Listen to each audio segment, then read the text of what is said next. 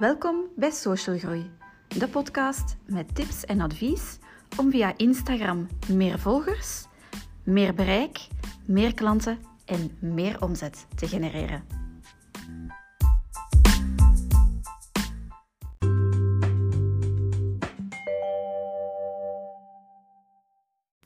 Een hele goede middag en welkom bij alweer podcastaflevering 10. Ik maak deze opname terwijl ik net na de lunch even buiten ga voor een frisse neus en een klein beetje beweging. Want altijd uh, ja, achter de pc werken is natuurlijk ook niet zo gezond. Veel te veel zittend werken, te veel blauw licht. En vandaag is het droog, het is koud, maar het is droog. Dus ik dacht, oké, geen excuses. Laarzen aan, met verwarmde sokken, goed aangekleed en even naar buiten. Ik kijk zo hard uit naar mijn geplande vakantie. Ik tel de dagen af om het vliegtuig op te stappen richting de zon. Want ja, hier uh, in België met dat wintersweer, die zien we niet zo vaak. Maar goed, ondertussen warm ingeduffeld ben ik aan mijn wandeling begonnen. Ik hoop dat het geluid goed is. En uh, dat ik niet te veel buiten adem ben van het, uh, van het stappen. Maar ik ga mijn best doen. Voilà. Waar ik vandaag graag iets meer over wil vertellen, is wat je vooral niet moet doen als je wil dat jouw account, jouw social media account, groeit. Zoals je weet, of wellicht weet, ik mag misschien niet veronderstellen, bied ik twee diensten aan. Ofwel beheer ik jouw social media en zorg ik ervoor dat er elke maand waardevolle content online komt op jouw social media kanalen. Ofwel leer ik jou hoe jij dit zelf kan doen doorheen een coachingstraject. En nu is het zo dat ik al een, uh, ja, ik heb een, een aantal klanten waar ik al een geruime tijd berichten voor maak. En afhankelijk van de grootte van het pakket, daarmee bedoel ik het aantal berichten dat zij maandelijks online willen zien verschijnen, krijgen zij ofwel elk kwartaal uh, of elke maand een uitgebreide rapportage van mij met statistieken. Want meten is weten. Dus ik kijk altijd na welke berichten hebben het goed gedaan, welke content vonden de potentiële klanten interessant. Waar kwam veel reactie op? Wat deed het minder goed? In, op die manier is het mogelijk om ja, maand na maand te monitoren wat goed gaat en wat minder goed gaat. En kan je bijsturen, zodanig dat de berichten die gemaakt worden nog meer resultaat opleveren. Dus elke maand neem ik de tijd om de statistieken van die klanten te noteren, in Excel te bewaren, de nodige vergelijkingen te maken. En die klanten krijgen dan ja, hun uitgebreid verslag. Met daarbij nog ja, extra woordje toelichting en gericht advies. En om correcte cijfers te geven, heb ik een spiekbriefje mee. En heb ik daar een aantal gegevens genoteerd van nu twee specifieke klanten, waar ik dus elke maand berichten voor maak. En dat waren de cijfers van vorige maand, dus ze zijn heel recent. Waarbij de ene klant het advies dat ik meegeef werkelijk ook opvolgt en de tweede niet. Ik heb nu gewoon vier parameters genomen, er zijn er meer. En, maar ze zijn... Ik heb nu deze vier genomen omdat ik geen saaie lijst wilde aflopen met gegevens. Maar alle andere cijfers liggen in dezelfde lijn. En waar gaat het nu over? Bij klant 1 was het berichtbereik plus 94% De betrokkenheid bij de berichten was gestegen met 165% het aantal nieuwe vind ik leuks, dus op Facebook, plus 475 procent. Ja, 475. En het aantal nieuwe paginavolgers op Instagram was gestegen met 271 procent. Dat is dus de klant die open staat voor mijn advies en suggesties, die daar ook effectief mee aan de slag gaat. En ja, zijn deeltje van het verhaal waar ik zo meteen op terugkom, ook ter harte neemt. Klant nummer 2, ik neem dezelfde parameters, berichtbereik plus 18.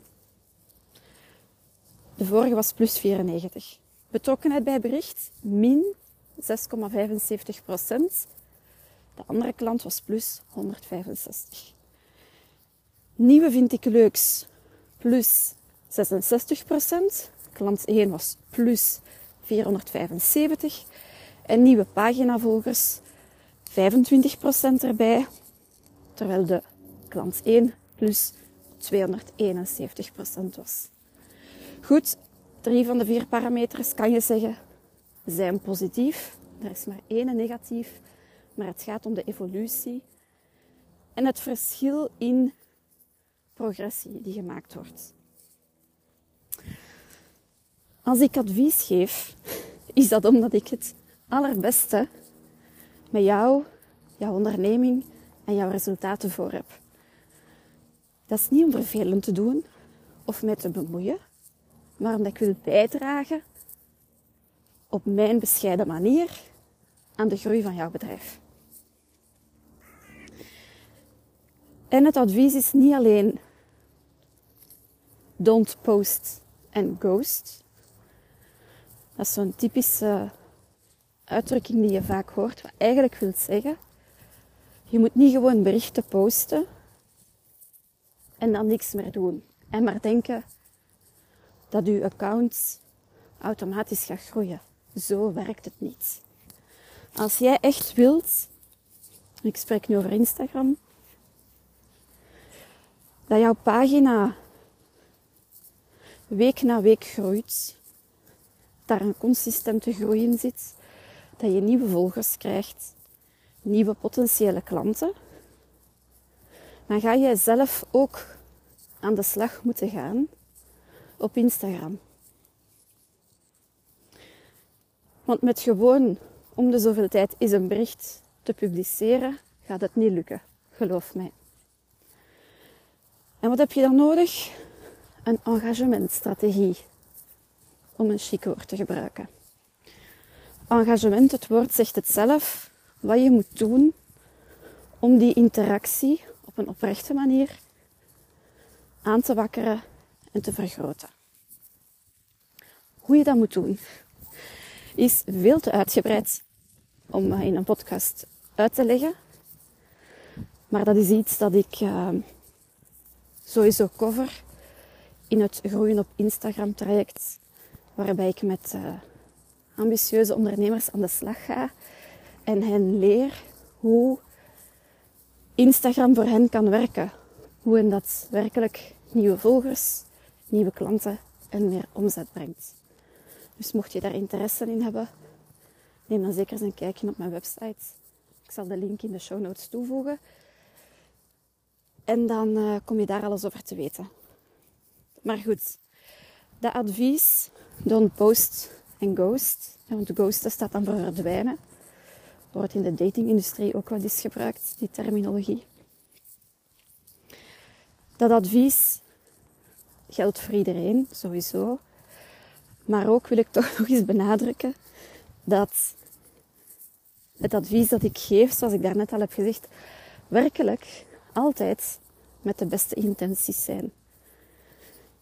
Als jij, om terug het voorbeeld van een marathon te gebruiken, een coach onder de arm neemt die jou advies geeft over de kleding die je moet dragen, het trainingsschema dat je moet volgen, welke voeding je best neemt voor tijdens en na de trainingen, hoe je het beste je lichaam voorbereidt op een training, hoe je best stretcht, welke supplementen je idealiter neemt, het hele pakket. dan geeft die coach dat advies met de bedoeling om jou zo goed mogelijk te begeleiden naar het lopen van die marathon. En als jij dan maar één of twee van die adviezen opvolgt, dan mag je ook niet verwachten dat het resultaat zal zijn zoals die coach heeft voorspeld. Dan is het kwestie van vertrouwen te geven aan die expert en daarin mee te gaan. Want waarom huur je hem of haar anders in?